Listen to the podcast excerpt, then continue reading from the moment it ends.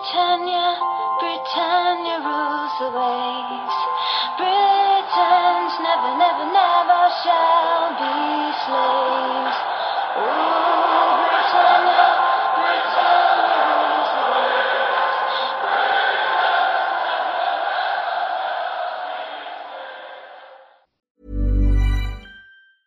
Hiring for your small business? If you're not looking for professionals on LinkedIn, you're looking in the wrong place. That's like looking for your car keys in a fish tank. LinkedIn helps you hire professionals you can't find anywhere else, even those who aren't actively searching for a new job but might be open to the perfect role. In a given month, over 70% of LinkedIn users don't even visit other leading job sites. So start looking in the right place. With LinkedIn, you can hire professionals like a professional. Post your free job on linkedin.com slash people today.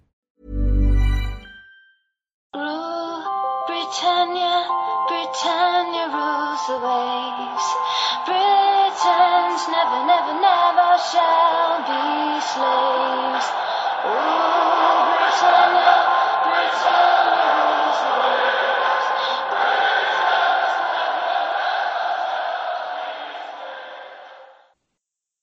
Hej och välkomna till avsnitt 35 utav Svenska FPL-podden. Vi ska summera Game Week 31 och inför detta landslagsuppehåll även kolla in lite på hur landslagsuppehållet påverkar. Eh, vi spelar in idag onsdagen den 20 mars och agendan för dagens avsnitt är som följer. Vi ska köra en liten genomgång utav vår interntävling mellan mig och Stefan. Vi kör en laggenomgång såklart där vi framförallt kommer fokusera på de lag som har dubbelomgång nu här i Game Week 32. Som jag lovade här i början så kommer vi även kika på landslagsuppehållet och vilka spelare som påverkas och eh, inte påverkas genom att inte vara uttagna i sina landslag. Vi kikar in lite i poddligan, eh, kollar till poddlaget eh, och gör en lite snabb uppföljning av vår free hit från Game Week 31 som kanske inte blev fullt så lyckad som vi hade hoppats på och avsluta med lite lyssnarfrågor. Med eh, det så tycker jag vi kör igång. Jag sitter på ett hotell nere i Göteborg och spelar in så att vi hoppas att eh, linan ska bära. Eller vad säger du Stefan? Eh, Ja, det hoppas vi verkligen. Jag tror att det är på gränsen, men, men vi kör ändå, tycker jag. Ja, Eh, och hoppar vi in i tävlingen så eh, blev det 1-1 den här veckan. Det blev ju oavgjort på anfallssidan. Så totalt står det 10-5 nu.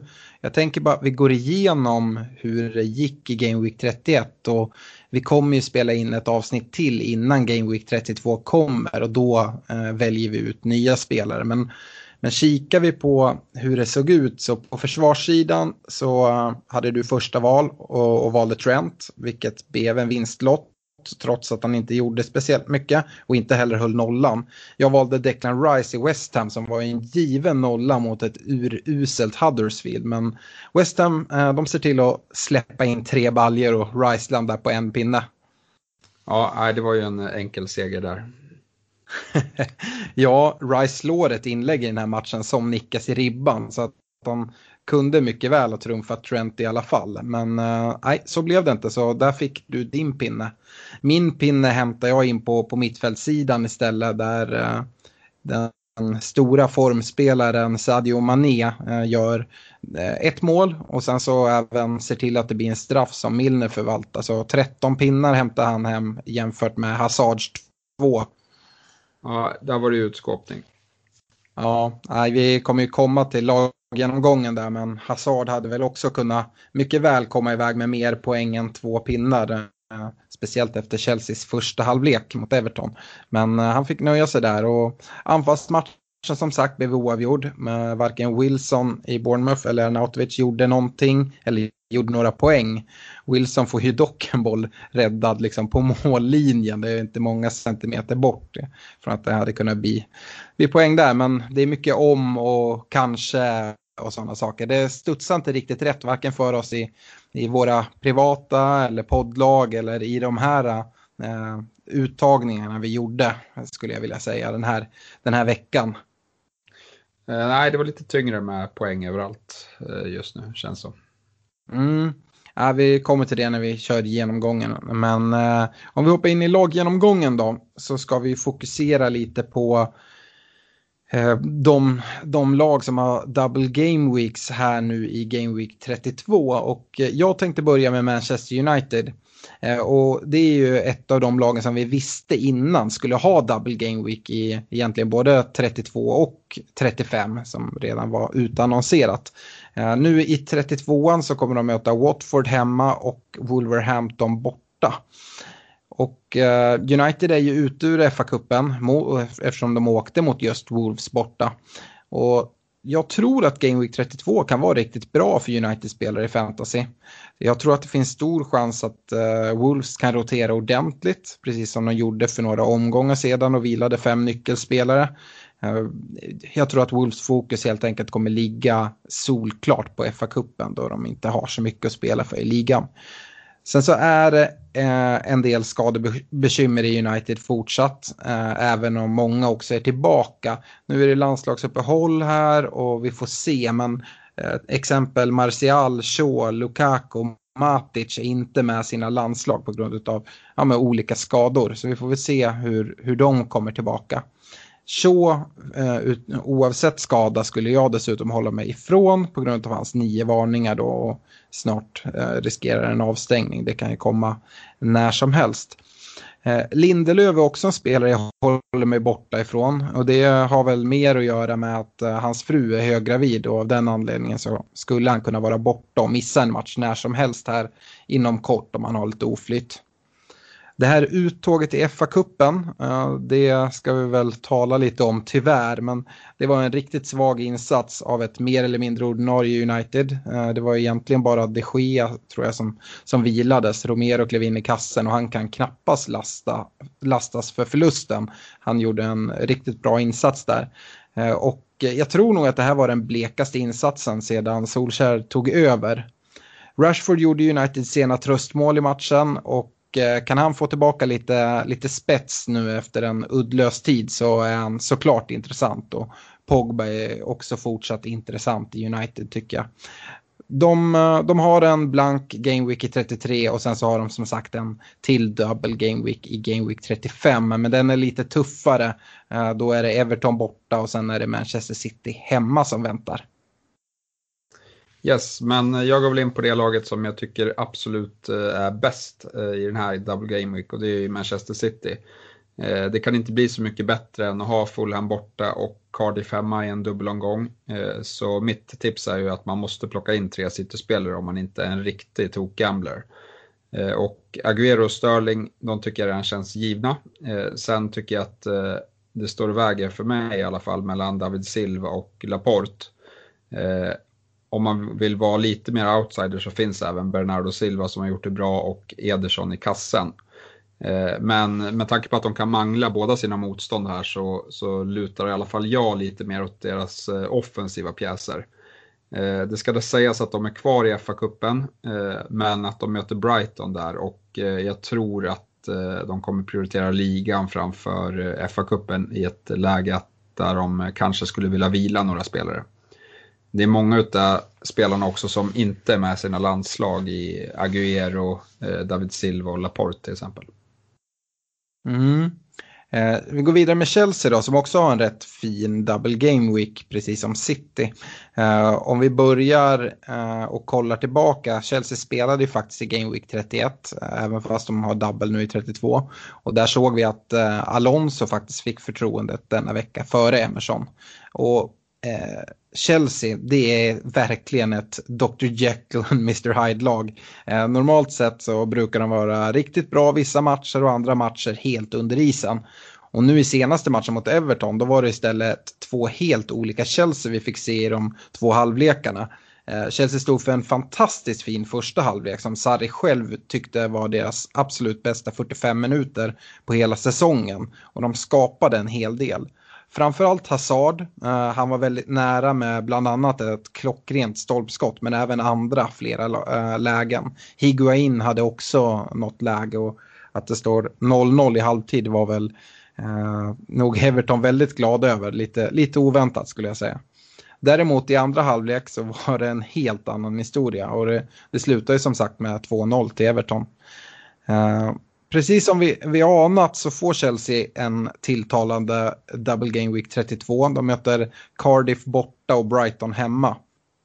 Dessutom så spelar de ju i Game Week 33 då de möter West Ham hemma. Och eh, nu blev det ju som sagt torsk senast borta mot Everton, men jag tycker de har riktigt goda chanser till sex pinnar här i Game Week eh, 32. Eh, det känns som jag upprepar mig, men eh, Hazard, Higuain, Luis och Aspilicueta ser jag som de bästa alternativen personligen i mitt, uh, mitt uh, personliga lag så kommer jag göra en jättechansning och trippla upp i Chelseas försvar och helt gå utan Hazard som annars ses, får ses som den självklara spelaren i detta, detta Chelsea. Men uh, det beror mest på att jag inte kan få in Hazard utan att ta minus till, till den här gameweeken då. Eh, yes, ett annat lag som eh, det bekräftades att de fick eh, double game week nu var ju Tottenham. Och det är ju, eller vi har varit inne på det tidigare, att de möter ju Liverpool på Anfield. Först följt av Palace på, på hemmaplan. Eh, och det är den här matchen på Anfield som gör i alla fall mig mindre intresserad av spelare som Kane, Son och Ali till exempel. Då deras prislappar eh, i förhållande till vilka matcher de har eh, är svåra att motivera i en sån här vecka, skulle jag säga. Om jag skulle välja någon personligen så hade det nog varit Juris i kassan. Då han lär rädda några tama avslut från Salah i första matchen och har en god chans på att hålla nollan mot Crystal Palace. Ja, vi kommer komma till Salah här när vi kommer till Liverpool. Men om vi fortsätter med de här lagen som har double game week så går vi in på Wolverhampton. Eh, och de fortsätter ju dräpa storlag. Nu senast här vidare i FA-cupen efter vinst mot United hemma. Och precis som jag nämnde när jag gick igenom United eh, så möter de dem nu i Game Week 32 eh, hemma på Molineux igen. Utöver att de ska möta Burnley borta i denna dubbelomgång. Jag vill ändå varna lite för eventuell rotation i Wolverhampton. Eh, precis som vi såg tidigare när de i omgång 29 vilade Patricio, Doherty, Jonny, Neves, Moutinho inför FA-cupen. Eh, de befinner sig som sagt i ett ingenmansland i ligan och kommer gå all in på FA-cupen. Det behöver man inte ens eh, tvivla på. Och jag tror ingen i Wolves är säker för rotation. Eh, varken Patricio i kassen, vi såg Ruddy fick komma in för att få lite matchträning inför FA-cupen. Eh, Jiménez undvek rotation då, men han har spelat väldigt mycket och jag tror att han kan få, få syna bänken i någon match. Eh, nu, så, nu så möter ju Uh, Wolverhampton Watford i FA Cup-semin den 7 april. Det är fem dagar efter United i ligan så att det är väl eventuellt mot United det kan vilas och det, det gynnar ju i så fall United-spelarna. Uh, gällande matchen mot United i FA-cupen då så gör Wolves det väldigt, väldigt bra och segern är väldigt välförtjänt. Uh, målskyttar undrar ni? Jo, det är Jimenez och Jota såklart. Uh, de fortsätter att imponera. De har blank Game Week i Game Week 33 och de har även en double Game Week i 35 som vi vetat om sedan tidigare då de har dubbla hemmamatcher. Först mot Brighton och sen efterföljande mot Arsenal. Eh, yes, ett till lag som befinner sig både i ingenmansland i ligan och är kvar i FA-cupen och har en dubbelomgång, det är ju Watford. Eh, så därför får man ju höja ett varningens finger här också, även om vi inte har sett Watford rotera på samma sätt. Eh, men nu är det semifinal och eh, det börjar lukta eh, möjlighet till titel där. Och då kan det bli andra bullar. Men de ska i alla fall möta United borta först och sen väntar Fulham på hemmaplan. Och det är väl just den här Fulham-matchen på hemmaplan som gör att deras offensiva poängspelare Delofeo och Dini Eh, kan bli intressanta. Eh, även Pereira skulle kunna vara något att eh, satsa på. Men vi får se, men som alla de är billiga och möjliggör att ha andra dyra spelare i laget. Så jag tycker de känns på förhand i alla fall rätt intressanta. Mm. Eh, Crystal Palace då, eh, de har ju double game week nu i 32. De möter Huddersfield hemma, det, det smakar ju mumma. Men sen har de Spurs borta också. Eh, de åkte ju ur FA-cupen mot just Watford som du pratade om i helgen. En match där eh, Wilfred Zaha missade på grund av en mindre skada.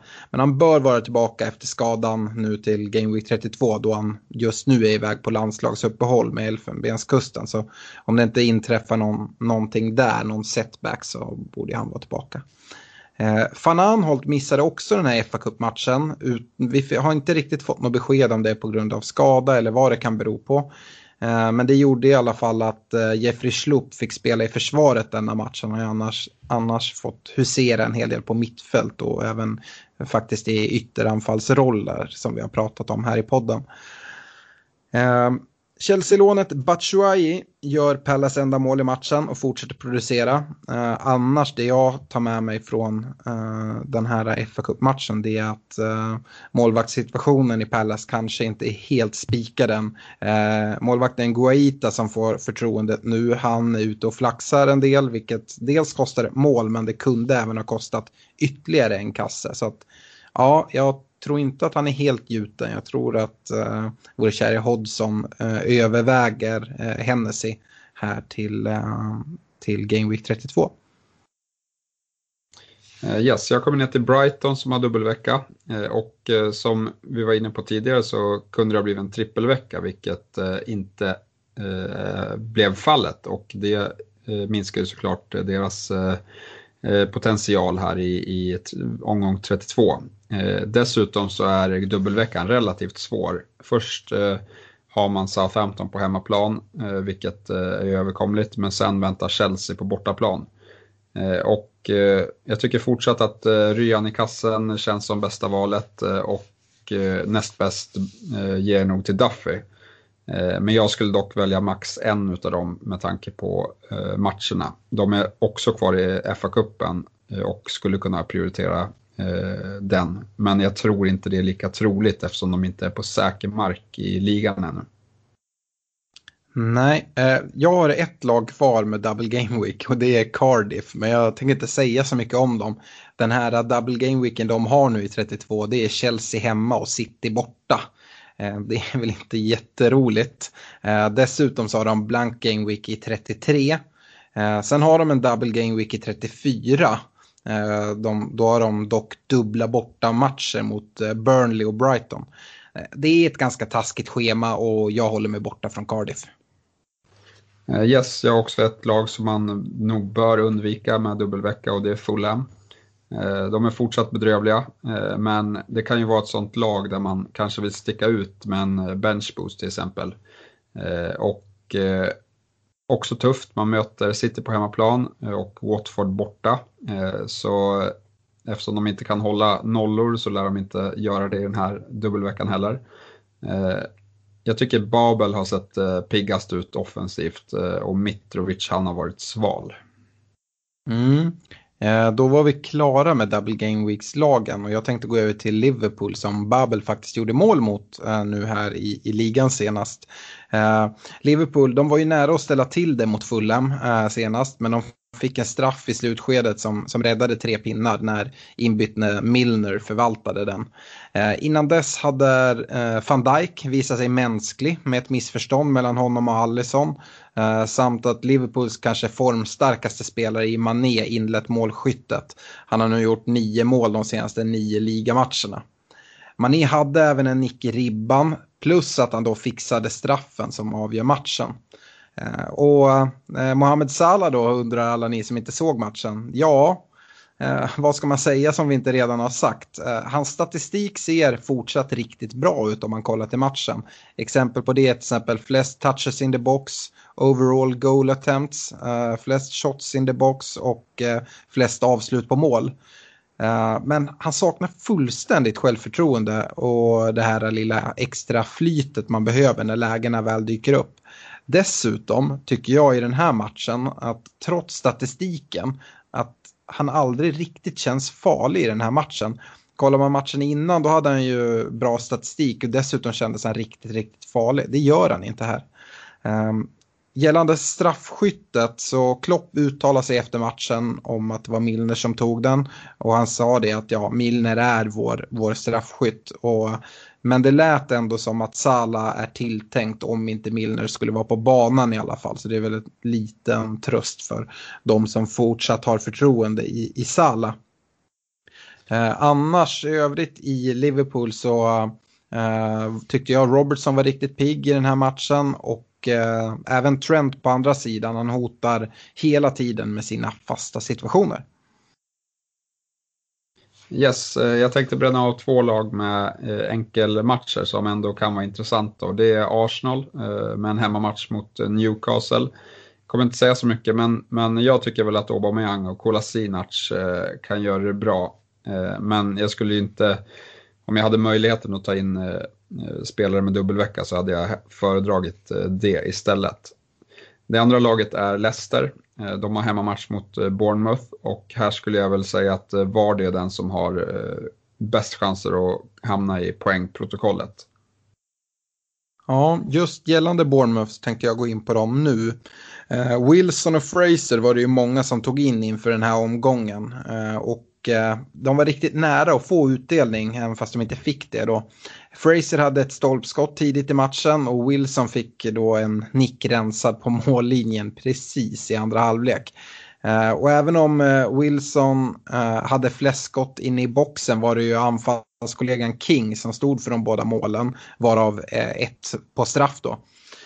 Det finns egentligen ingen anledning att byta bort Wilson mot King, men fördelen med King är ju just att han tar straffarna. Annars så kan man säga som så här. Eh, Sermon, han har skadat sin vad och ser ut att eventuellt missa resten av säsongen. Detta gjorde i den här matchen att eh, Brooks fick spela i en central roll och eh, det kanske vi även kommer få fortsätta se här framöver. Jag eh, är dock inte helt säker vad det kommer innebära, om det kommer vara positivt eller negativt ur fantasyhänseende. Så vi får nog följa den situationen lite grann. Och eh, jag upprepar med, runt Bournemouth för att eh, de har ett kanonschema här egentligen resten av säsongen. Eh, yes, jag kommer ner till tre lag som jag tycker man bör hålla sig borta från för tillfället. Och det är först Southampton. I omgång 32 har de bara eh, en match och det är på bortaplan mot eh, hemmastarka Brighton. Eh, det var väldigt länge sedan när de ska spela den här matchen var det väldigt länge sedan de spelade en fotbollsmatch. Och därav så håller jag mig borta helt enkelt, då deras form är osäker. Sen har vi West Ham. De lyckades ju på något sätt vända mot Huddersfield och vinna med 4-3. Man kan ju inte säga att de imponerar ändå, då de borde ha avgjort den matchen mycket tidigare. Nu väntar ett Everton som slog Chelsea senast eh, och eh, det kan bli en tuff match för eh, ett West Ham som verkar sakna formen.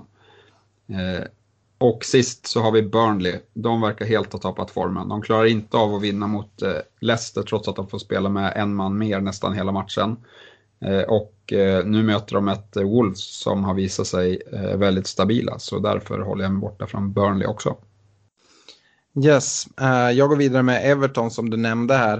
Uh, precis som senast så gör Richarlison mål på en retur. Han fixar dessutom en straff, men den förvaltar inte Sigurdsson. Däremot slår han in sin egen straffretur. Men Sigurdsson och hans straffar, jag vet inte riktigt, det har gått lite, lite i stå för honom. Eh, ser man till den här säsongen så har han missat tre straffar hemma på Goodison denna säsong. Nu slår han ju i och för sig in returen, men det tar ju inte fantasy hänsyn till. Han får ju målet, men han får ju även minuspoäng för missad straff. Vi får se om han kommer få fortsatt förtroende. Jag är inte helt övertygad.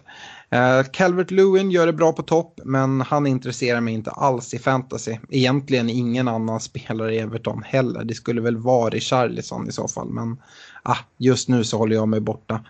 Um, och uh, Stefan, du har gått igenom dina lag va? Det stämmer bra.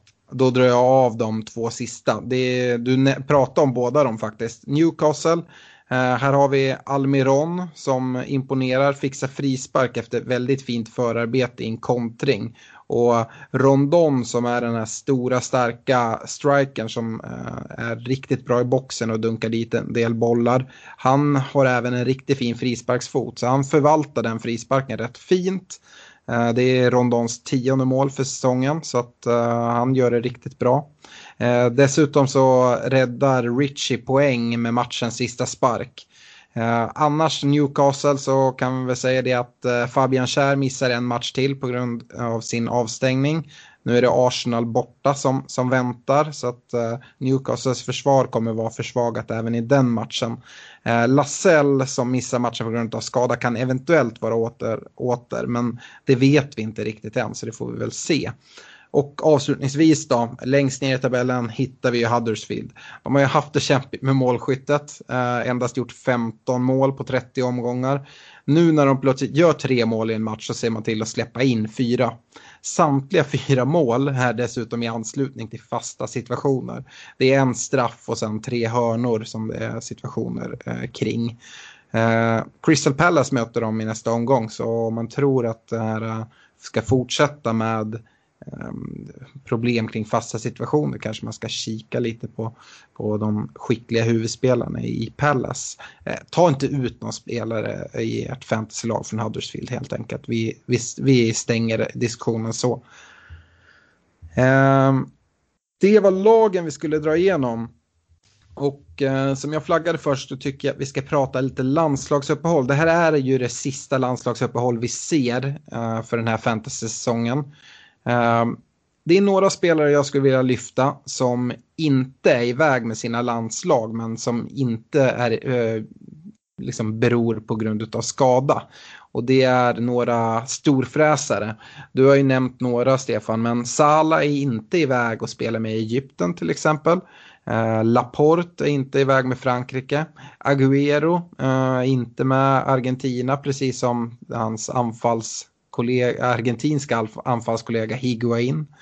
Chelsea så ser vi även Alonso och Aspilicueta stanna hemma. Eh, Lacazette i Arsenal.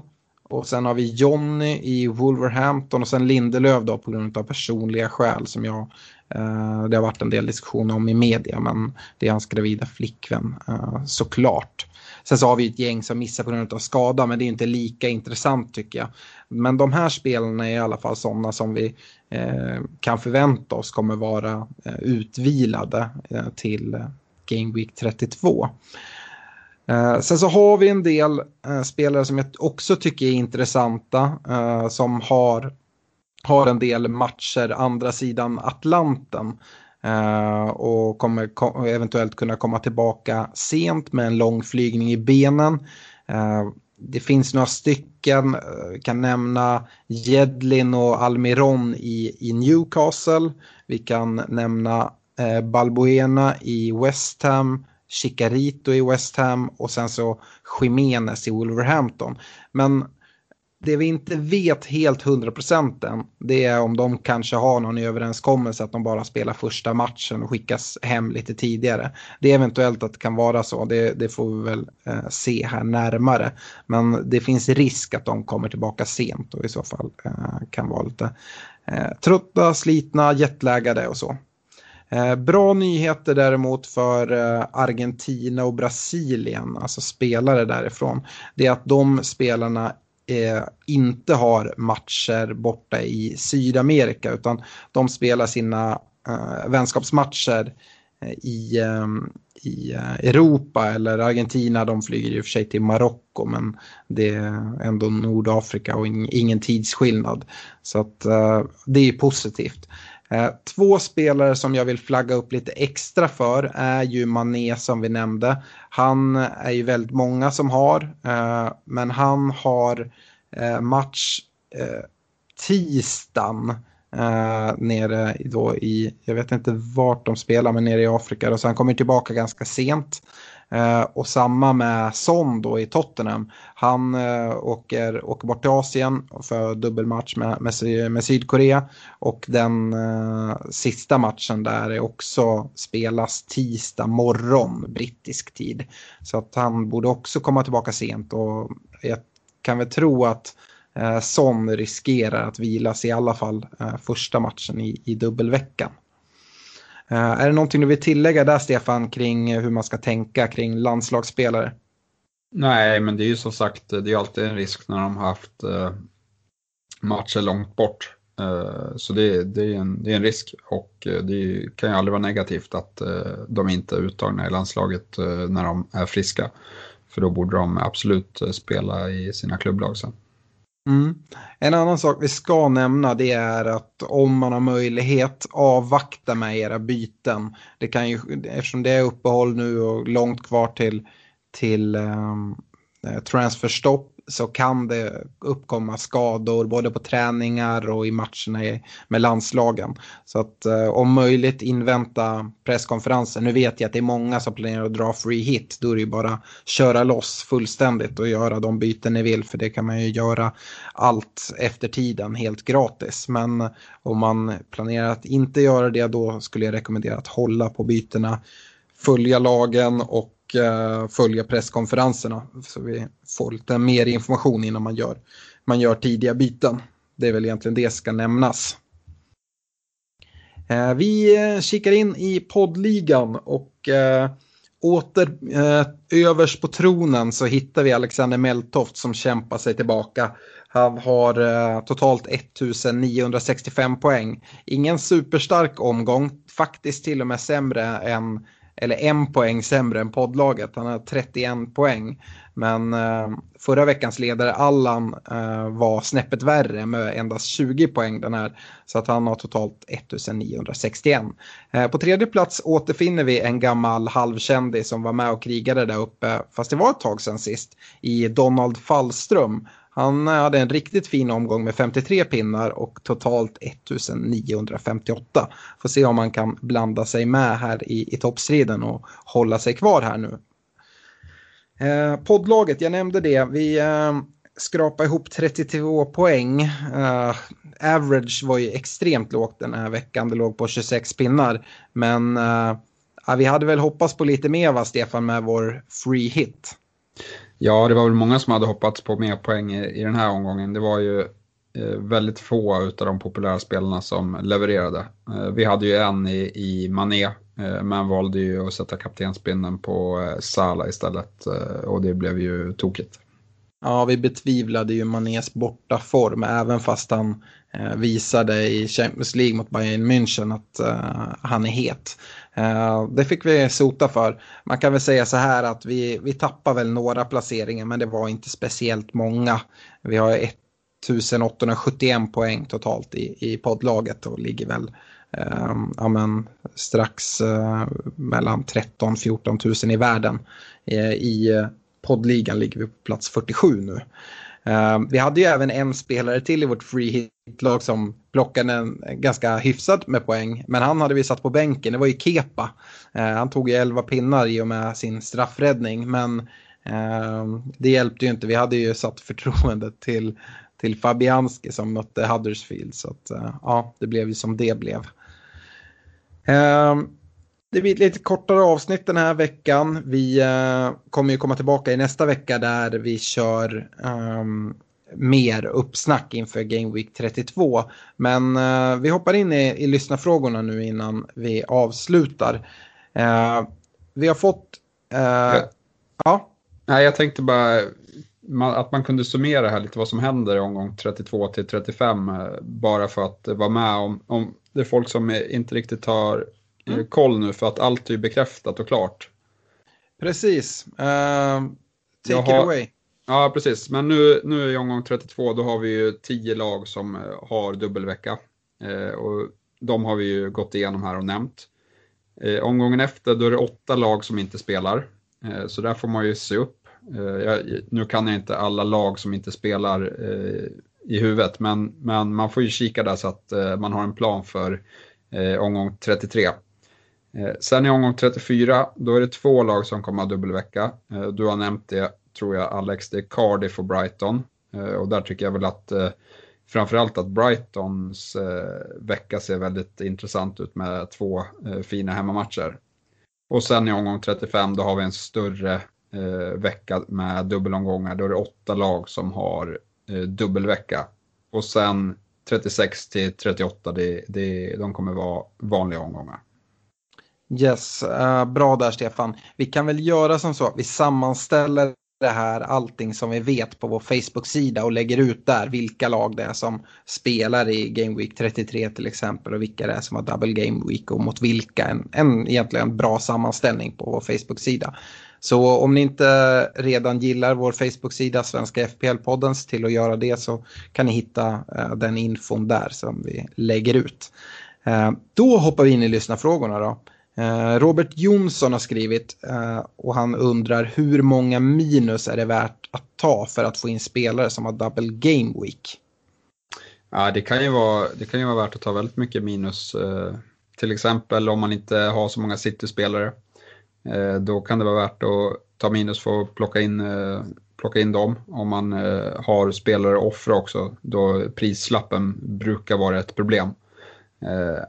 Men är det andra spelare så, nej, jag vet inte, det, det är inte jättemånga lag som, där man på förhand tänker så här, men det här vinner de lätt två matcher och de spelarna man har tänkt sig, de kommer spela i båda matcherna från start. Så där är det lite klurigare. Men jag skulle nog eh, var inte rädd för att ta kanske 8 minus om, om man får ihop eh, ett bra lag skulle jag säga. Mm. Ja, det där, det där tycker jag är svårt och det beror ju på så många olika saker. Men eh, Eh, jag tycker inte man ska vara för feg heller, precis som du är inne på. Samtidigt ska man ju ha med sig det att även om det är ett lag som har dubbla matcher så är det tajt matchande och vissa lag roterar rätt mycket. Så att det är surt att ta minus för att få in eh, spelare för att de har dubbelvecka och sen så spelar de bara eh, en, alltså 90 minuter eller inte ens det. Eh, så att ja, där måste man ju också väga vad det är för spelare man tar in. Jag tycker i alla fall rekommendationen är att eh, minus för City-spelare framförallt men även för United och Chelsea-spelare känns rätt sunt med tanke på de dubbelveckorna och att alla de lagen har väldigt, väldigt mycket att spela för kvar i ligan så att eh, de borde inte rotera allt för mycket. Mm. Och sen beror det lite på vad man har för uh, chipstrategi inför Game Week 33. Uh, Chelsea-spelare kan man ju ta in, de har match då. Men eh, både United och City har ju inte det. Så att om man tar in, fyller laget med City och United-spelare så måste man ha någon lösning för, för 33an då såklart. Eh, Jocke kaptenen eh, skriver så här. Ska jag byta Mané och Son mot David Silva och Hazard? Eller ska jag byta Mané och Rashford mot Agüero och Milivojevic eller någon Watford-spelare typ Pereira eller Delofeo eh, och gå minus fyra. Jag har bara ett gratisbyte. Eller så lägger han in en grej till eller ska jag göra ett rakt byte bara, Lukaku mot Agüero. Oj, svårt. Eh, det första han ska göra det är ju, för det finns ju en del frågetecken kring en del av de där spelarna. Eh, till exempel är Lukaku skadad, ja men då kommer Rashford troligtvis spela spjutspets, eh, vilket skulle vara bra för honom. Eh, så mitt tips är i alla fall att vänta så länge som möjligt eh, med att göra bytena. och sen så tyckte jag väl ändå att Ja, jag vet inte, det, det, är svårt men, men jag gillar, jag, Agüero känns väldigt eh, farligt att vara utan just eftersom han kommer vara utvilad. Jag tror att han kom, faktiskt kommer spela båda matcherna. Ja, jag håller med. Agüero tycker jag definitivt han måste få in. Eh, och då, sen så förstår jag om man vill kolla på att byta ut Son, även fast han har dubbelvecka eftersom att han dels kommer tillbaka sent från Asien och har varit lite så här tveksam form. Um, och Hazard hade inte varit så dum att få ut. Men om jag tolkar honom rätt, för han pratar om att byta ut Rashford och talar om att byta ut Lukaku. Då sitter han med både Rashford och Lukaku, jag vet inte jag. Eh, även om United har dubbelvecka och ganska fint. Du nämner ju också det om Lukakos fotskada. Ehm, jag tycker Agüero måste in på ett eller annat sätt oavsett nästan hur många minus det, det innebär. Ehm, men jag, jag backar nog dig där Stefan. Avvakta, se vad som händer, vad vi får reda på gällande skador och sånt. Men eh, Agüero ska in, det är vi väl båda överens om. Um, här en fråga direkt till dig Stefan från, från Robin Torda uh, som jag är i en liga med där vi har lite pengar inslängda. Uh, Stefan, har du några tips på hur jag ska spöa Alex i vår liga? Vad är hans svagheter? Vet, ja. inte all, vet inte alla om min svaghet med kaptensvalen eller? Exakt, jag, jag tänkte säga det. Jag brukar ringa Alex på så här, lagom, lagom nära deadline och så brukar jag sätta lite griller i huvudet på honom så brukar han välja fel kapten. Eh, nej, men skämt åsido. Eh, jag vet inte, jag, jag tror att det kommer bli fjärde året i rad jag torskar mot eh, Alexander, så jag har nog inte hittat nyckeln eh, själv här. Eh, men, men som sagt, eh, välj inte samma kapten som Alex. Nej, det, det ska gudarna veta. Eh, sen så ska man väl säga det att eh, Robin har faktiskt gått förbi mig i vår liga. Han gjorde en sån här drömomgång eh, när Sterling hade sin succé. Han hade satt kapten där och eh, ja, verkligen bara for som en komet. Så han leder nog ganska bekvämt ändå. Ja, han har, han har 20, 25 pinnar före mig. Så att eh, ja, han behöver inte vara så, vara så orolig. Ja, Robin får se upp i omgång 38 för där är Alex väldigt stark också. Eh, kan jag, kan jag intyga från förra säsongen när han helt plötsligt bytte in två spelare som typ tog 30 pinnar eller fan det var. Ja, jag hoppas det håller i sig precis som att det håller i sig att jag får en poäng för min triple captain och sådär. Så att eh, ja, eh, det kan väl också få hålla i sig då hoppas vi. Ehm, Fredrik Halsius undrar lite kring chipstrategier. Han skriver så här. Jag har 12 spelare till Game Week 33. Rekommenderar ni Free Hit 32, Wildcard 34, Bench Boost 35, alternativt Wildcard 32, Free Hit 33 och Bench Boost 50, äh, 35? Eh, nej, men det känns väl bättre och om man redan har 12 spelare som spelar 33 att eh, han kör free hit nu. Ja, jag håller med. Det är den taktik vi har, har förordat som jag vet att, att du kommer gå på, på Stefan i ditt privata lag. Om man kunde lösa 31 utan free hit, att använda free hiten för 32an. Eh, och sen så har man ju bra spelare till 33. Och sen så när du kör wildcard 34 så kan man, kan man ju bygga för ett eh, riktigt fint lag för den här stora dubbelveckan i, i 35 då man placerar ut sin, sin bench boost. Så den tycker jag nog är, är den bästa strategin för honom. Ja, det är, för det är framförallt till exempel ett lag som han inte skulle få vara med om han gjorde tvärtom. Det är Arsenal eh, som har en rätt, eh, rätt okej okay dubbelomgång i 35. Eh, och det blir svårt att få in om man kör wildcard nu i 32. Yes. Uh, sen så har vi lite sådana här frågor. Simon Johansson skriver förslag på free hit-lag och sen så är det flera som har skrivit in sina free hit-lag och uh, vill ha synpunkter på dem. Jag tänker att det kan bli ganska dålig, dålig podcast av att vi ska sitta och rabbla exakt vilka lag de har och uh, så. Så att det är väl bättre att vi svarar dem på, på Facebook och de som är intresserade av det kommer ju se Eh, våra svar, de ligger ju öppna under frågetråden för, för den här podden. Så kan vi svara där istället. Um, det, jag ser Peter Sandberg har skickat in det. Vi har fått en, uh, en fråga från Martin Svensson liknande. Uh, vi har fått en fråga från Fredrik Norrström. Fredrik Norrström ställer också en annan fråga. Uh, så här skriver han. Jag tror vi är många som kommer köra free hit denna vecka och sannolikt kommer de flesta att bygga ett starkt mittfält och kanske även lägga mycket pengar på anfallare. Vem skulle ni säga är den bästa komplementspelaren på ett mittfält till ett free hit-lag eh, med runt 5,4 på banken? Ja, jag vet inte vad Delofeo kostar men eh, han är en spelare som jag tänker på i den priskategorin. Men jag får se om han eh, Kan han vara 5,6? Ja, men han är där i, i kroken. Men jag tror han kan vara snäppet över. Uh... Jag har inte hittat honom. 5, ja, 5,6 kostar han ja. Ja. Mm. Uh, det är 5,4 är svårt alltså. Uh... Skulle jag säga. Ja, det blir svårt. För vad, vad kostar Jota? Kostar väl också mer. Ja, han kostar mer.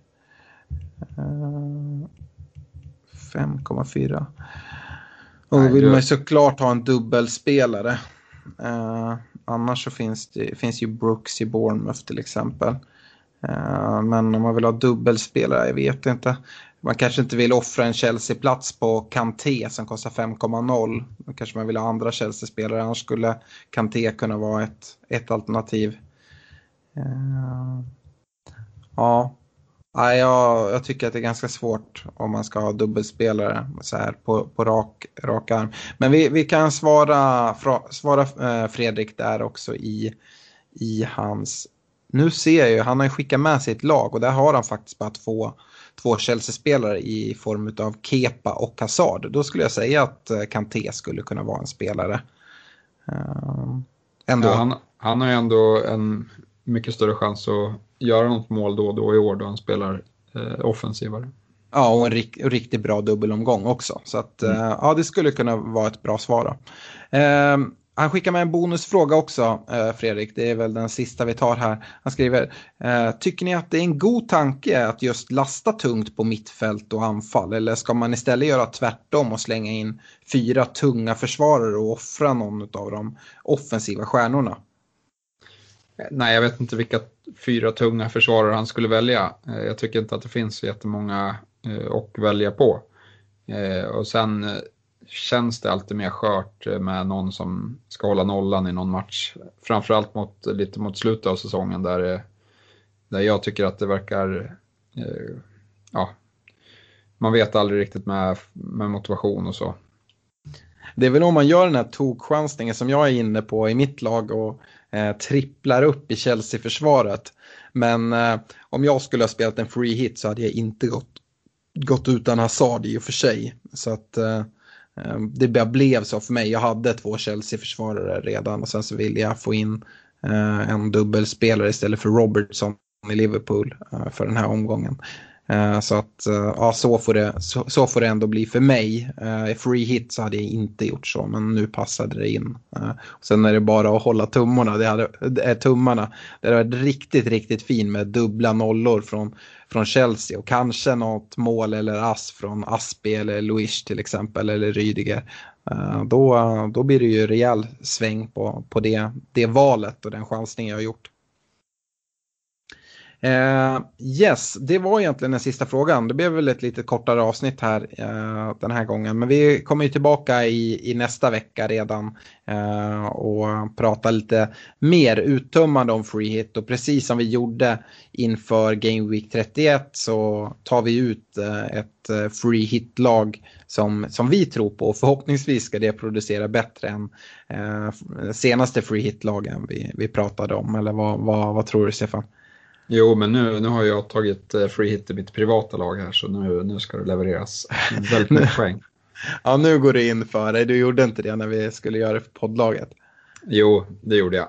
Eh, men, men som sagt, det var, det var ju inte många spelare som levererade i den omgången. Nej, Ja, vi får se vilken taktik. Det blir intressant att se vilken taktik som eh, kommer generera mest. Att antingen använda eh, eh, free hit eller bench boost här i Game Week 32. Vi kommer inte få helt fullt svar på det än för det kommer ju bero mycket på Game Week 35 också då, då många som använder free hit kommer spela sin bench boost. Men ja, det blir i alla fall intressant tycker jag. Vi, eh, på återhörande så hörs vi i eh, i nästa vecka med en ny podd helt enkelt. Ha det bra, hej! Det gör vi, ha det bra!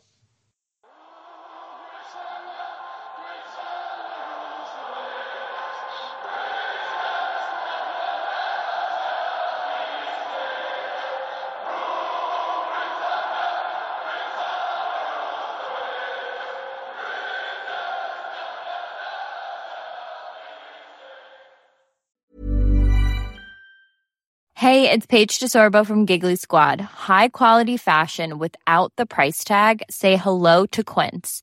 I'm snagging high-end essentials like cozy cashmere sweaters, sleek leather jackets, fine jewelry, and so much more. With Quince being 50 to 80% less than similar brands. And they partner with factories that prioritize safe, ethical, and responsible manufacturing. I love that. Luxury quality within reach. Go to quince.com slash style to get free shipping and 365 day returns on your next order. Quince.com slash style.